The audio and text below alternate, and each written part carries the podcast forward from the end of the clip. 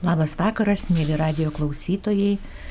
Šį vakarą su jumis gyvybės medis ir mes kalbėsime apie pagalbą moteriai, kuri yra krizinėme neštume.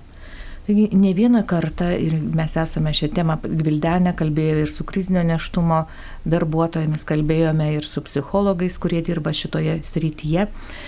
O šiandien pakalbėsime apie tai, kokie yra daromi žingsniai, kad vis dėlto visos šitos privačios iniciatyvos pagalbos moteriai, kuri yra krizėje neštumo metu, taptų valstybės, tai yra, kad ji taptų sisteminėmi. Ir mūsų šiandien mūsų studijoje yra gana, gana, gana gausiai dalyvaujančių, vieni kontaktiniu būdu, kiti kaip įprasta nuotoliniu būdu. Taigi pristatau mūsų svečius, tai Laisvos visuomenės instituto direktorė Diana Karvelienė, sveikinamės. Taip pat e, gydytoja kalbės gydytoja gynekologė Kušerė Dalė Deksnienė ir mūsų pokalbį pabaigs e, teisininkas Vytis Turonis. Ir laidą vedu aš, Birutė Obelianinė. Taigi, laba diena, Diana. Ir, ir aš žinau, kad jūs tikrai iniciatyvos ir jūsų, būtent jūsų instituto iniciatyvos yra kaip tik, kaip tik į tą valstybinį lygį pakelti būtent visą krizinio neštumo e, problemą ir, ir jau vyko kelios konferencijos, viena prezidentūroje, kita nuotolinė, jau šiais metais valstybės pareiga padėti moteriams krizinio neštumo situacijoje. Tikrai sulaukė tikrai nemažai dėmesio ir vertinimo ir, ir, ir labai piktų netgi kalbų ir, ir, ir pasipylė buvo visokių, visokių kaltinimų, ieškojimų, kaip, kaip, prie ko prisikabinti. Taigi šituose konferencijose buvo kalbama apie valstybinę krizinio neštumo koncepciją. E, žinau, kad jūs įgyvendinot krizinio neštumo koncepcijos kūrimo projektą.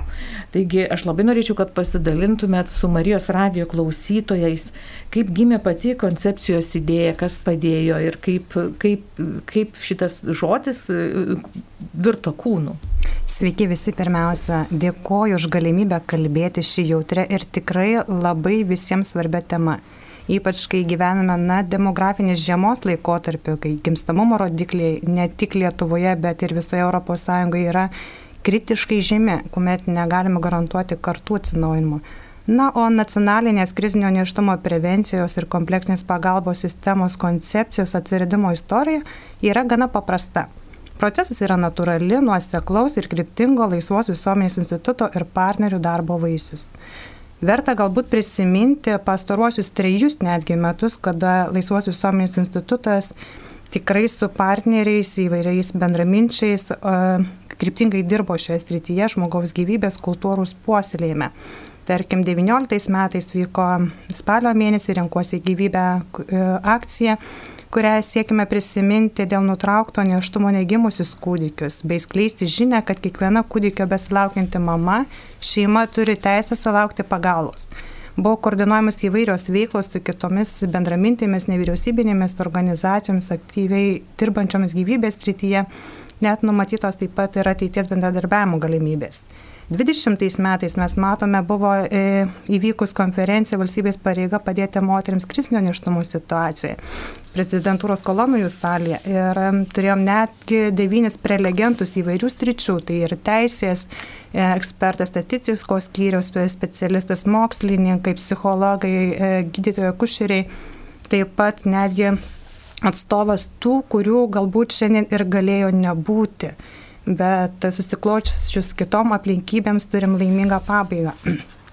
Ir čia netgi norėčiau galbūt pacituoti keletą e, prelegentų ir sveikinimų žodį tariusių 20 metų konferencijos kalbėtojų, pavyzdžiui, šalies pirmosios ponios Dienos Nausodienės e, e, pasidalinimas akivaizdu, kad krizės gyven, sprendimo būdai reikalauja ne pavienių veiksmų, o visuomeninių ir institucinių pastangų sutelktumo ir būtina sukurti prevencinę sistemą. Būtent apie prevencinę sistemą kalbėjo tuo metinė 20 metais e, šalies pirmoji ponė Diana Nusėdienė.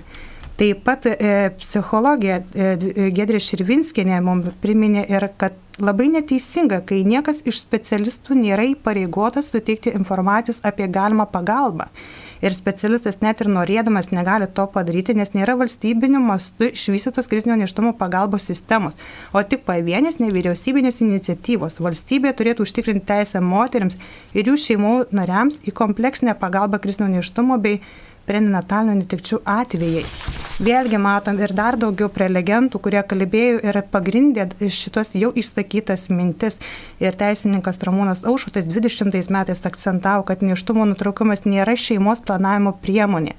Ir dar norėčiau pasinaudojant galimybę taip pat prisiminti Sandros e, žmogaus, galbūt atstovės, kuri iš tikrųjų be galo yra dėkinga mamą palydėjusių žmonių šone žo, e, įsakytų žodžių ir galimybę gyventi, būtent dalintis tuo liudijimu, kai sprendžiasi kažkieno likimas, išvysti šį pasaulį, ar ne ypatingai svarbus yra palaikymas.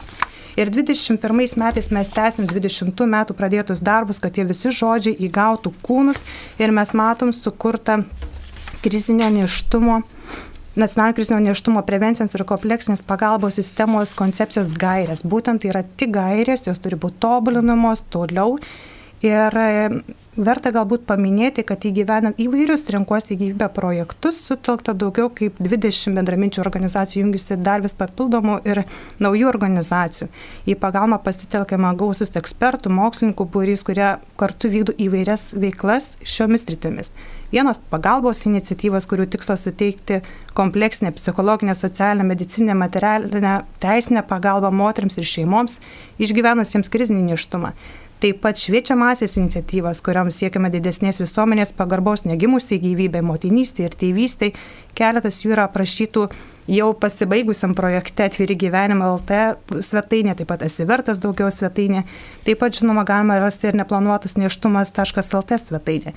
Taip pat, žinoma, ir teisėkuros iniciatyvos. Ir šitom trimis esminėmis tritimis yra nuolatos dirbama, kad tie visi žodžiai gautų kūną, kad mes nebūtum tik kalbėtojai, bet ir kažką realiai padarančiai. Ir profesorė, vis dėlto norėčiau aš jūsų galbūt klausti, nes jūs labiausiai žinote apie tas šviečiamasis iniciatyvas, kad pasidalintumėt su Marijos radio klausytojais, kas dabar vyksta ir kokia situacija yra Lietuvoje.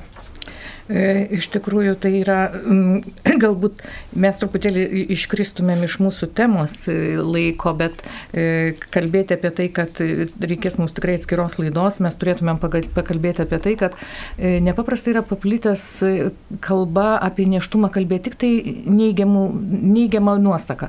Tai ne, neplanuotas, netikėtas, nelauktas ir dažniausiai stebint visas šitas mergaitės, kurios, kurios tik tai tiek ir girdi biologijos pamokose, vadovėliuose, e, tai akušeriai gynekologai kalba, kad tai ir vėl, vėlgi tas pats, kad tai ne, ne, visiškas negatyvas ir aišku, be jokios abejonės, žinant, kad kalba kuria e, realybę, tai e, aš visiškai nenustepu pridėjus dar, dar ir tai, kad yra nepaprastai seksualizuota visuomenė, iš mergaičių reikalaujama, joms keliami labai dideli reikalavimai ir dadėkim, kad tai, kas yra jų, jų iš tikrųjų, jų, jų, e, jų prigimtyje, įrašyta gyvybės davimas, kuris visą laiką turi tokią neigiamą konotaciją, tai aš, aš susiečiau su tuo, kad mergaitės e, nenori būti mergaitėmis. Jos ir, ir, ir šitas jau truputėlį po truputį ateina į, į mokyklas.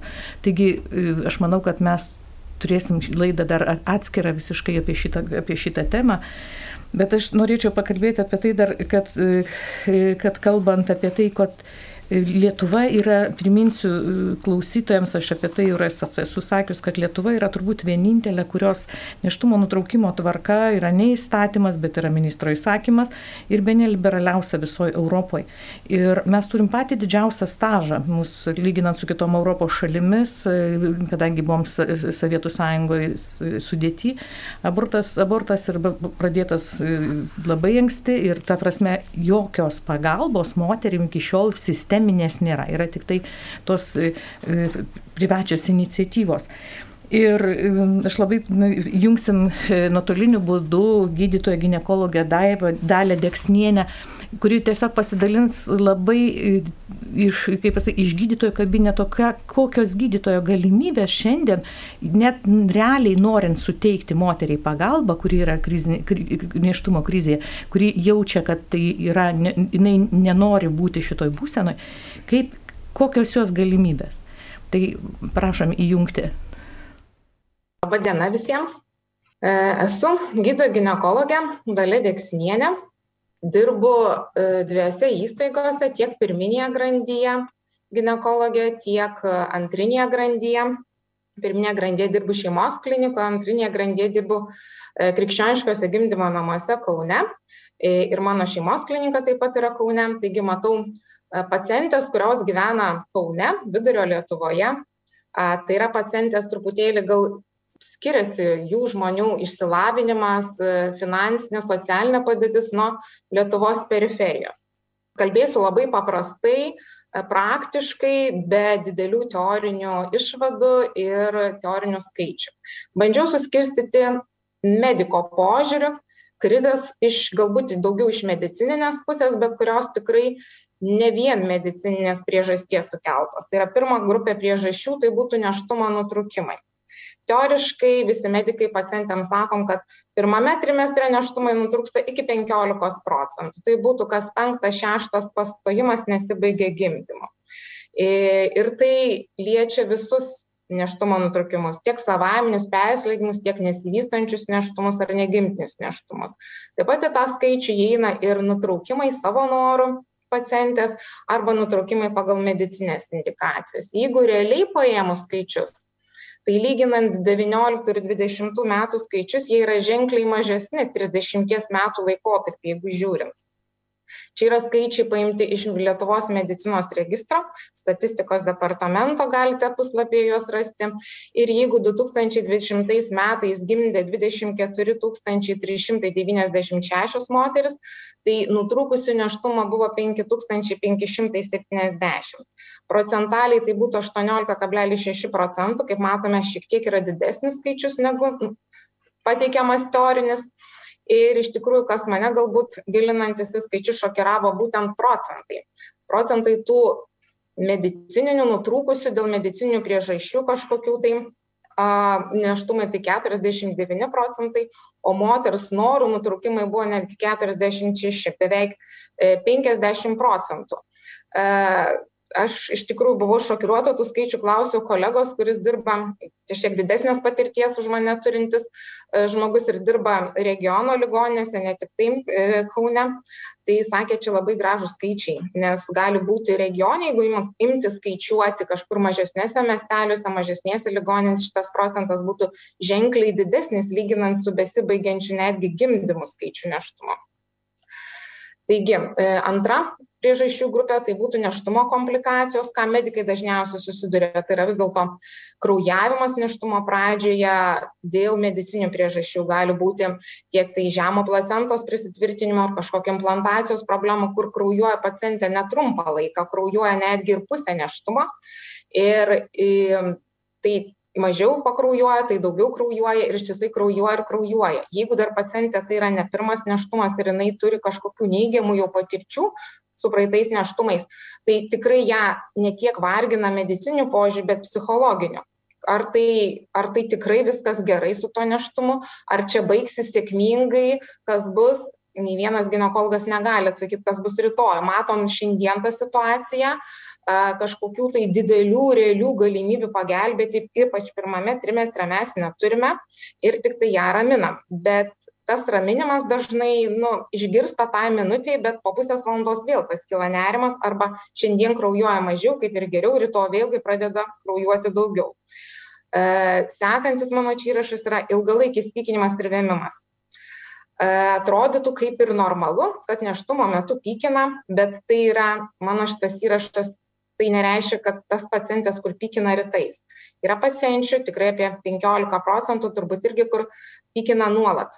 Kai pacientė tik nemiega, ją pykina. Darina ir vemia iki 15-17 kartų dienoje. Ir tai yra nesustabdomas procesas, kuris sąlygotas būtent tam tikrų hormoninių kitimų. Pacientė pavarksta tikrai. Galų gale trinka jos ir medžiagų apykaita, ir e, bendra psichologinė būsena tikrai ne pati geriausia, nes jinai visiškai iškrenta iš savo įprasto gyvenimo. E, tiek darbo ritmo, tiek ir namiškiau nelabai sugeba jai pagelbėti. Atsigulus į stacionarą, tarkim, e, mes atstatom tik tai medžiagų kažkokius tai apykaitos produktus, kad gerai funkcionuotų jos organizmas, pavadinkim taip. Atstatom reikiamų ten baltymų, mikroelementų pusiausvėrs ir viskas. Bet realiai to pykinimo mes nesustabdom, nes turi organizmas pats savaime susitvarkyti. Ir netgi iki 3 procentų moterų visą neštumą jos pykina ir vemia, aišku, ne visą laiką tų 17 kartų dienoje, bet tai 9 mėnesiai tam tikros būsenos, kur tikrai sunku gyventi su tuo kasdienį gyvenimą. E, ir ta trečioji mano grupė yra būtent nustatyti vaisiaus apsigimimai.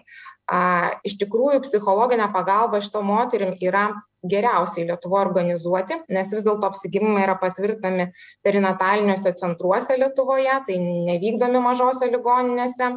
Tai yra Vilnius, Kaunas, Klaipėda, jie turi tam tikrą komandą ir šitos moteris visą laiką gauna psichologinę konsultaciją, bent jau taip turėtų būti. Ir trečioji visų medicininių priežasčių grupė tai būtų e, jauna nešioji, vyresnio amžiaus arba nešiosios, kurios yra turinčios neigiamą patirtį susijusiu neštumu arba gimdymu. Jaunos nešiosios tai yra moteris iki merginos, iki 18 metų, jau tikrai buvo ne vienas tikrai buvo plačiai aptartos visos problemos jas lydinčios, ne tik tai medicininės, bet ir socialinės, finansinės, šeimos, pedagogų problemos, pedagoginės ir taip toliau. Norėčiau dar atkreipti labai dėmesį į vyresnio amžiaus nešesias. Medikai jau šiuo metu, aišku, juridiškai tai yra virš 35 metų nešioja, bet tikrai dabar Lietuvoje jau tai yra pakankamai tradicinis neštumo amžius, jau niekam nešokiruoja, bet tikrai yra neiščiųjų virš 40 ir netgi virš 45 pasitaiko. Šitos moteris e, gerai, jeigu tai yra planuotas neštumas, taip, tai yra ketvirtas, penktas, stabili finansinė, stabili e, šeimos padėtis, viskas yra gerai, bet yra tikrai neiščiųjų vienišų metų joms virš 45. E, finansinė gal ir yra kažkokia situacija, bet jos dažnai yra vienišos ir jom kilo krūva klausimų, ar manęs nepasmerks E, aplinkiniai, ne manęs nepasmerks darbe, kaip man reikės vienai tvarkytis, plus greičiausiai tą vyresnio amžiaus nešioju turi ir jau sveikatą lydinčių. e, lygų, kaip ir didesnis kraujospūdis, gretutinės lygos, kažkokios tai ir gynekologinės operacijos buvusios gyvenime, arba ten ir širdies, ir, ir inkstų problemų atsiranda su amžiumi, jai kyla klausimų ir ar šitos mano lygos neturės įtakos neštumui, gimdymui ir taip toliau. Plus e, taip pat kyla jai problemų ir išnešiotumo klausime. Ir pagrindinė, kur pirmas klausimas gynekologai būna, ar mano vaikas bus sveikas.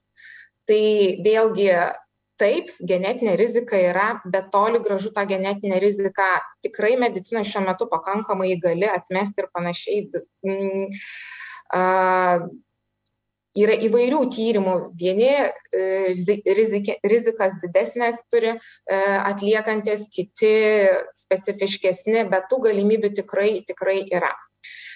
Ir paskutinė to grupė tokia neigiamos patirtis neštumo ir gimdymo metu tai yra būtent sukauptos problemos gyvenimo eigoje neišspręstos tuo metu, kai buvo krizė neštume. Ir pacientė ateina su sekančiu neštumu ir begalės klausimų, ne, tikrai neretai susirašius lapą popieriuje, kur daktaras turbūt į ne visus tos atsakymus ir turi visus tos keliamus klausimus. Taigi čia mano tos išskirtos medicinės priežastis. Ir kaip ir minėjau, medikai atsiduria, tai yra pirmoji grandy, kai pacientė atlieka nesulaukus mėnesinių neštumo testą ir pirmiausia, aišku, jinai kreipiasi į gydytoją. Gydytojas galėtų būti gynekologas, bet toli gražu ne kiekvienai jisai taip greitai ir prieinamas. Būna turbūt pakankamai dažnai šeimos gydytojas, felčeris arba kušerė, dirbanti kažkokiai tai ambulatorijoje, kaime, regioniniam centre ir panašiai. Ir antrinė grandis tai yra teikianti šitas paslaugas, jau teikianti kažkokią pagalbą, sprendžiant tas krizinės situacijas su medicininiam problemam susijusios, tai yra gynekologijos arba kušeriai skyriai dirbantis medikai kas vyksta šiuo metu Lietuvoje, būtent šiomis dienomis. Tai yra pirmiausia problema registracija pas specialistą. Eilės pasidomėjau pas mano klinikos šeimos daktarus dvi savaitės. gydytojas gynekologas mėnesis, kai kur pusantro. Ką daro pacientė? Tai yra pacientė turi krizę. Tai yra nesvarbu, ar tai yra psichologinė, ar tai yra medicininė. Dažniausiai vis dėlto į medikus eina su medicininė. Jai reikia patekti greitai. Jis verkdama skambina į kliniką, nes internetu neįmanoma užsiregistruoti. E, registratūros darbuotojas atsiliepęs nukreipia dažniausiai pirmiausia nuotoliniai konsultacijai. Jeigu nuotolinė konsultacija pas gydytoją, šeimos gydytoją į galą dienos, jisai jau pakonsultavęs 20-25 pacientus, pacientės sakinys, daktarė, man reikia siuntimo nutraukti neštumai. E, baigėsi gerai, jeigu daktaras turi laiko, sveikatos, psichinės ir kitokios, paklausti, kodėl iš karto toks sprendimas. O jeigu jisai neturi to laiko ir noro jau, nes tai yra neregistruotas pacientas, tai yra tiesiog greitai ir man reikia to siuntimo. Jisai parašė siuntimą ir baigėsi problemos sprendimas. E, kitas variantas, pacientė kažkokiu tai būdu įeina į tą polikliniką, kur irgi nu dabar jau durys atrakintos bet neseniai jos čia atsirakino. Buvo tikrai užrakintos nes tiktai registruotiem pacientam visos kitos konsultacijos nuotolinės. Jos įeina vizitui yra skiriama dvidešim trisdešim minučių. Dvidešim minučių tai yra pirminė grandis poliklinika trisdešim minučių gydytojas specialistas. Per dvidešim minučių tai yra registruoto paciento tiek yra skiriama laiko. Per dvidešim minučių tu turi išklausyt pacientą atlikti tyrimą surašyt dokumentaciją ir jį arba išspręsti problemą vietoj, arba nukreipti tolesniai problemai. Tai jeigu tai yra pirminė grandis ir turi 20 minučių, turi eilę žmonių, kurie laukia apie mėnesį laiko ir įeina pacientė, lygiai taip pat atsidaro duris tarp tų pacienčių, jau jinai veikusi tą barjerą, kurios sėdi už duris sakinys, man reikia siuntimo nutraukti neštumą. Kiek, kiek daktaras turi laiko tos pačios dar kantrybės įterpti tarp savo planinių konsultacijų pacientę su tokiu pageidavimu. Ir dažnai jau, šita, jeigu tas sakinys yra, man reikia siuntimo nutraukti, jinai dažnai tavęs negirsta. Duokit, neišgirsta. Tai jinai, duokit man tą bukletą, kokio čia to centro, gerai, man viskas, aš pagalvosiu, tik rašykit man tą siuntimą. Tai vėlgi, tai kiek tu turi to laiko, vėl atsiliame. Tu dirbti gali, konsultuoti gali, kalbėti gali, paklausti gali. Bet kita situacija. Pacientė prašo siuntimo, bet matai, kad jinai nusuka akis. Vadinasi, vėlgi tas daktaras turi būti ne tik gynekologas, dirbantis pagal savo protokolą, kaip tu turi spręsti situaciją, bet ir dargi dalis psichologo, kur turi žiūrėti į akis, ne tik į kompiuterį, ką mes dabar tikrai priversti daryti, nes turim pildyti visą medicinę dokumentaciją čia ir dabar. Nes jeigu nesupildysi tu jokio elektroninio siuntimo, kad ir spręsti elementariai mediciniai problemai negalėsi parašyti, nes jį dar pasirašyti reikia ir elektroniniu parašu, kur sistema, tarkim, trinka. Tai, bet tu sėdi ir žiūri. Dabar, aišku, dar sudėtingiau, a, nes pacientė sėdi su kaukiam ir emocijas gali gaudyti tik iš jos akių. E, žiūri, ar jinai nusuka akis, ar jos balsas nors kiek suvirpa, ar jinai abejoja į tavo užduodamus klausimus tikrai reta pacientė, kuri ateina į tų 20 minučių, sugeba pasakyti, kad, nu žinau, daktarė, pas mane namie sudėtinga šeimos situacija. Ypač jeigu tave mato ta pacientė pirmą kartą. Aišku, yra pacienčių, kurios vaikšto pas tą specialistą ir iki tol atėjo ne vieną kartą, ar tai profilaktiškai pasitikrinti, ar tai spręsti kažkokios problemos, galbūt jinai jau įgyjusi tavo pasitikėjimą ir jinai tikrai pasidalins tomis savo nuogastavimais ir galbūt daugiau papasakos, kas pas ją šeimoje negerai, darbe negerai, kaip jie ir darbdaviai engia, nes tai galbūt jau tu čia per tuos metus trečią kartą įsineštumo tuo atostogu bet jeigu tave mato pirmą kartą toli gražu per tą dvidešim minučių tu neįgausi jos pasitikėjimo. Kad ir ką tu kalbėsi tikrai ne. Tai čia kalba eina apie tą mm, savo norų galbūt nutraukimą arba abejojimą ką tu ką tu gali padaryti kitaip.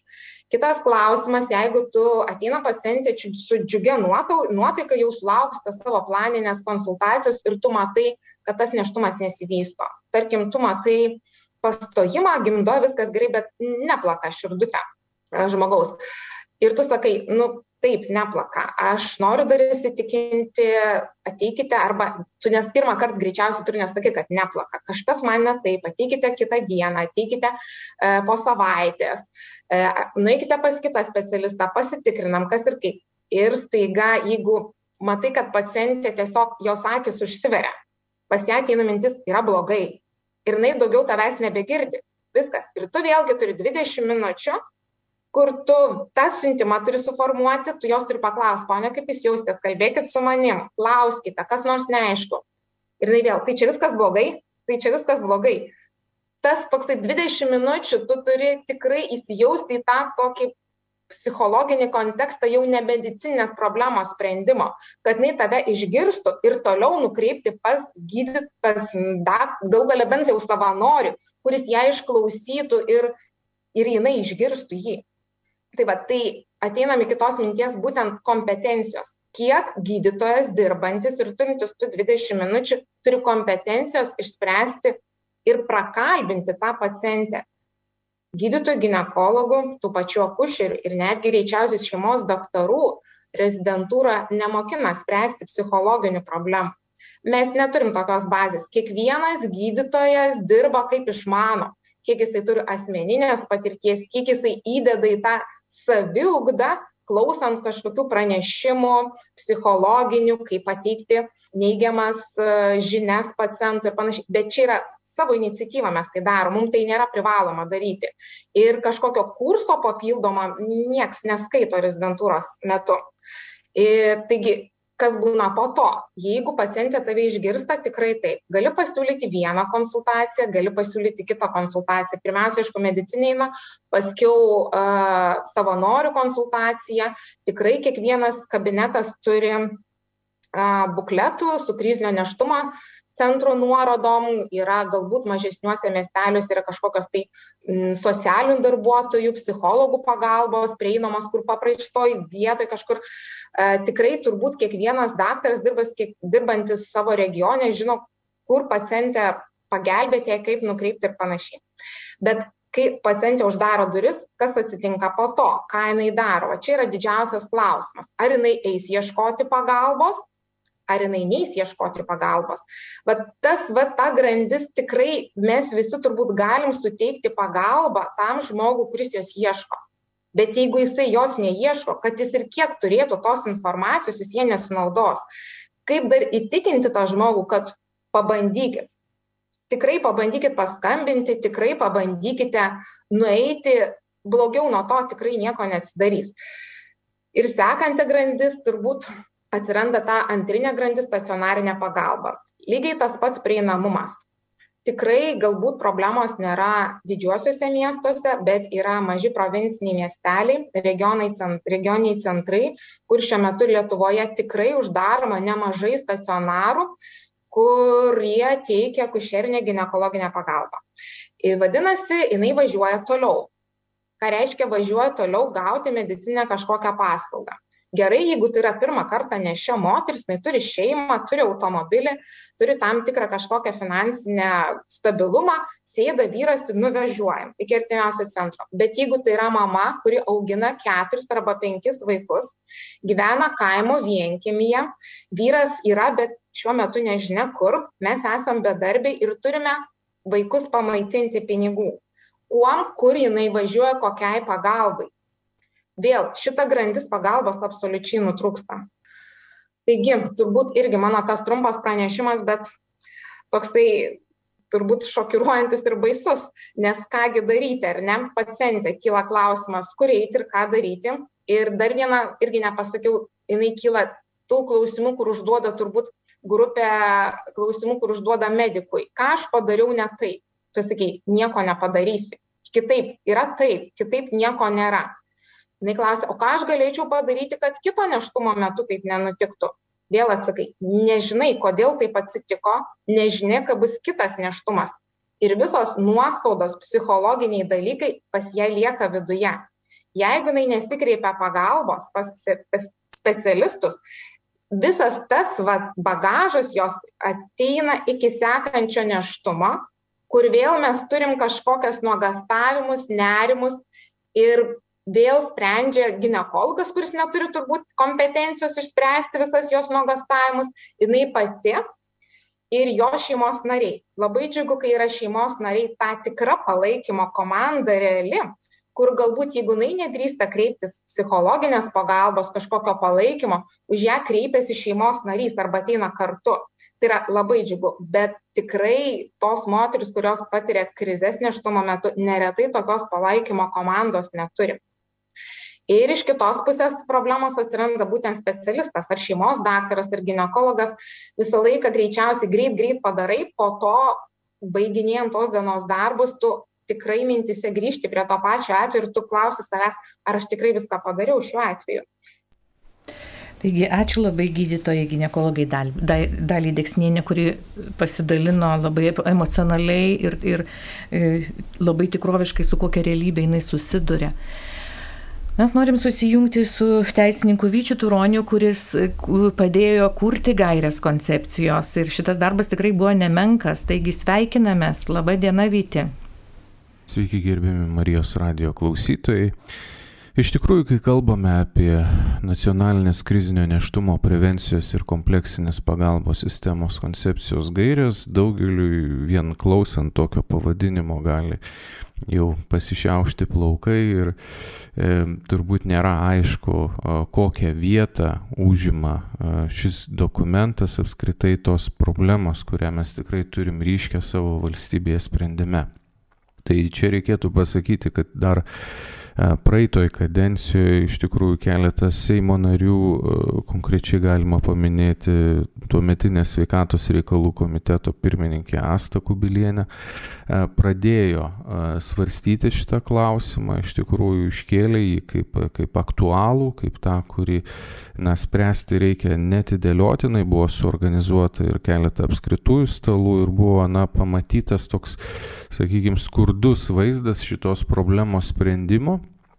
E, konkrečiai galima pasakyti, kad buvo konstatuota, jog iš esmės šiandien Lietuvoje, na, kai kalbame apie krizinį neštumą, mes netgi neturime ne vieno teisės akto, kuris apibrieštų apskritai tokią savoką ir čia jau mes galim kalbėti apie tai, kad visada, kada yra tas teisinis neiškumas ir mokslininkai ginčijasi, ką, kaip, kam, kokį reiškinį priskirti, kokiai kategorijai, tai be bejonės, na, galima pasakyti, kad tai yra tik pradinė, pradinė problemos sprendimo stadija.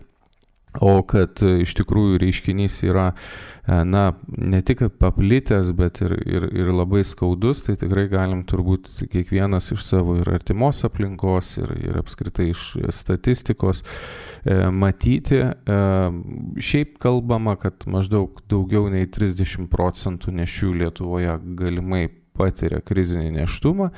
Ir šiandien na, yra tik tai atskiros privačios iniciatyvos, e, kurios stengiasi na, kažkiek tai uh, užkirsti kelią neigiamiems padariniams šito fenomeno arba uh, padėti moteriams esančioms būtent krizinio neštumo situacijoje.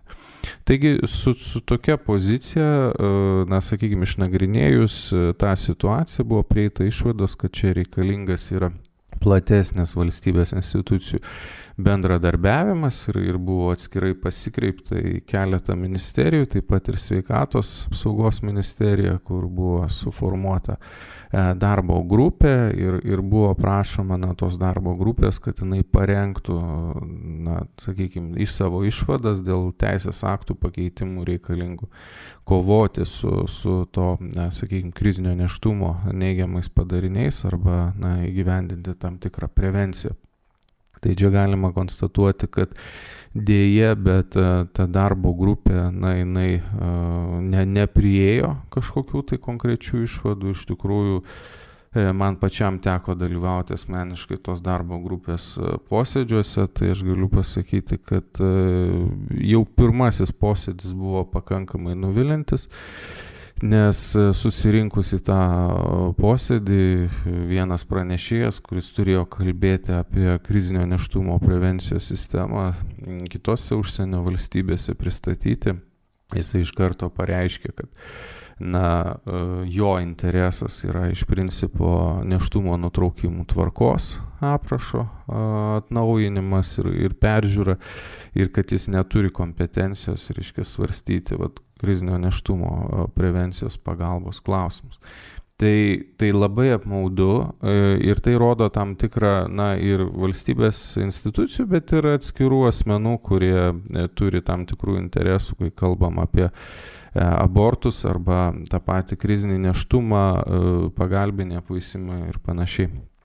Taigi čia yra labai jautrios temos Ir dėja, bet šiandien galima konstatuoti, kad tikrai ne vienas, ne vienas specialistas, kuris yra pasitelkiamas, na, kartais formaliai spręsti tuos klausimus, dėja, bet nėra pakankamai įgudęs, kad galėtų iš tikrųjų pasiūlyti valstybėje, na, kažkokį tai sprendimo kelią.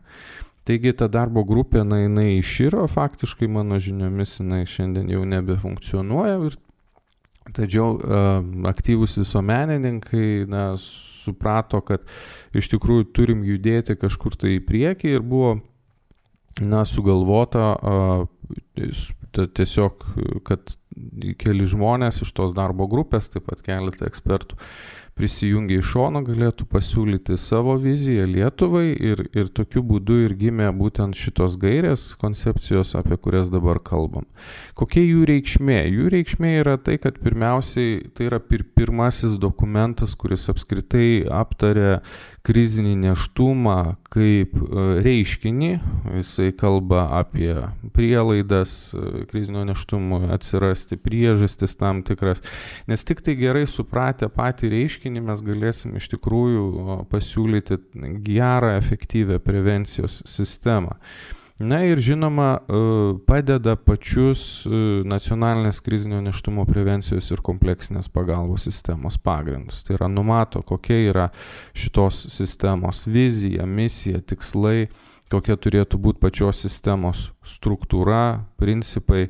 E, turbūt reikšmingiausias dalykas, e, dėl ko na, koncepcija iš tikrųjų yra unikalus ir vertingas dokumentas Lietuvos teisės sistemoje, aišku, jisai nėra įpareigojantis, jis nėra kol kas patvirtintas jokios e, valstybinės įstaigos, tačiau jis yra kaip pasiūlymas, tam tikras politinės programos pasiūlymas Tai e, šita koncepcija jinai e, įveda e, keletą reikšmingų savokų ir pasiūlo būtent krizinio neštumo savoką ir ją siūlo tokią, aš trumpai pacituosiu, kad krizinis neštumas tai toks neštumas, kurį moteris įvardyja kaip nenorimą arba ir neštumas, kurio metu kyla asmeninė santykių krizė susijusi su neštumu, motinos ir ar vaiko gyvybės, sveikatos ir kitomis nepalankiomis aplinkybėmis. Jis taip pat apima situacijas, kurių metu paaiškėja vaisiaus klaidos trūkumai, vaikas gimsta anksčiau laiko, įvyksta vaiko netektis prenatalinė ar postnatalinė fazė, taip pat tai apima krizę susijusią su lytinio apsisprendimo laisvės ar lytinio neliečiamumo pažeidimu. Taigi iš šito apibrėžimo mes girdim, kad jis, na, jis yra pakankamai didelis, jis yra pakankamai platus ir jis turbūt paneigia na, mitą, kuris labai dažnai a, iš, iškyla, kai kažkas pradeda diskutuoti apie krizinį neštumą. Tai tas mitas yra, kad krizinis neštumas tai yra nenorimas neštumas. Tai iš tikrųjų e, jau mane irgi ir, ir specialistai e, besidarbuojantys šitoje srityje tikrai uh, išmokė ir, ir aš pats jau galiausiai tikrai pamačiau, koks yra platus spektras įvairių situacijų uh, neštumo metu ir net tam tikrų prielaidų iki neštumo, kurios gali nulemti krizinį neštumą. Todėl negalima sakyti, kad krizinis neštumas yra tik tai nenorimas neštumas ir dėl to, jeigu kažkais bandoma sakyti, kad krizinį neštumą kažkaip vis pritemti tik tai prie aborto temos, tai yra, tai yra per siaura, tai yra klaidinga ir, ir dėl to e, svarbu yra šiandien apsispręsti mano galva ir dėl jau mano anksčiau cituotos ir, ir pasiūlytos krizinio neštumo sampratos, kad tikrai galėtume užtikrinti reikalingą pagalbą ir prevencijos priemonės kiekvienai moteriai ir kiekvienai šeimai Lietuvoje. Taigi, iš tikrųjų, reikėtų pasakyti turbūt dar, kad šitas dokumentas, na, jisai įtvirtina taip pat ir nacionalinės prevencijos ir kompleksinės pagalbos politikos kryptis. Jos yra suformuotos atsižvelgiant į būtent tas prielaidas ir priežastis, dėl ko apskritai kyla krizinės neštumas ir tuo būdu siūloma visiems, kurie nori įgyvendinti prevencijos ir kompleksinės pagalbos sistemą, atkreipti dėmesį, kad vat, būtent darbuojantis konkrečiose šiuose politikos srityse, kurios yra išvardintos koncepcijos gairėse, galima pasiekti tų efektyvių rezultatų. Taigi, kas toliau? Yra šitas dokumentas, jis yra priimtas, e, koks e, dabar turėtų būti judesys. Irgi koncepcijos autoriai mes svarstėm įvairiais kampais, galvojam, kaip mes turėtume toliau ar deleguoti kažkaip vyriausybei pasiūlyti ir panašiai, priimti ar šią koncepciją, ar toliau reikalingus dokumentus jos įgyvendinimui. Ir šiandien dienai yra pasiūlyta iš tikrųjų šitą koncepciją svarstyti nacionaliniai šeimos tarybai. Artimiausiame posėdėje aš tikiuosi, kad jinai apsvarstys. Kodėl tai yra svarbu? Nes nacionalinė šeimos taryba yra patariančioji Seimo institucija šeimos politikos klausimais ir nebejotinai krizinio neštumo klausimas yra vienas iš reikšmingiausių klausimų e, šeimoje. E, kai, kai jis toks kyla ir mes tikrai norim užtikrinti, kad na, kiekviena šeima ir kiekviena moteris besilaukianti sulauktų reikiamos pagalbos. Tai šiuo atveju dar nežinom, koks bus rezultatas, bet jeigu nacionalinė šeimos taryba patvirtintų šią koncepciją, galėtume iš tikrųjų džiaugtis, nes tai būtų toks jau e, pirmas žingsnis į tai, kad e, atsirastų institucija, kuri na, siektų būtent šitos koncepcijos įgyvendinimo, nuolat stebėtų, patartų Seimui konkrečiai, kokie teisės aktai galėtų prisidėti prie prevencijos ir kompleksinės pagalbos kiekvienai moteriai, kuri, kuri galimai galėtų patirti arba patiria krizinį neštumą. Dėkojame Vyčiui Turoniui, tikrai išsamei ir aš manau, kad vis dėlto šitą darbą vainiko sėkmė, žinau, kad koncepcija buvo kuriama visus metus, gal net ir daugiau. Taigi mūsų laida eina į pabaigą ir aš manau, Diana, tikrai turėtum dar kažką pa, pa, paskutiniam e, pabaigos žodžiai. Ačiū visiems klausytojams ir tikrai nieko geriau galbūt nesugalvosiu, kaip Seimo narės Asas Kubilienės 21 metais, šiais metais lapkričio mėnesį pasakyti žodžiai, kad krizinio neštumo tema yra daugelypė. Tai pir, visų pirma yra žmonių santykių problema, su tuoktinių šeimos, supančios aplinkos, kartu tai kultūrinės, ekonominės, socialinės aplinkos problema, todėl valstybė negali nusišalinti. O pratysant jos mintį, manau, kad mes kaip visuomenė turime susitelkti puoselint gyvybės kultūrą šalyje. Taigi, ačiū labai dienai ir atsisveikiname su, su mūsų klausytojais. Gražaus jums adventinio laukimo. Sudie. Sudie.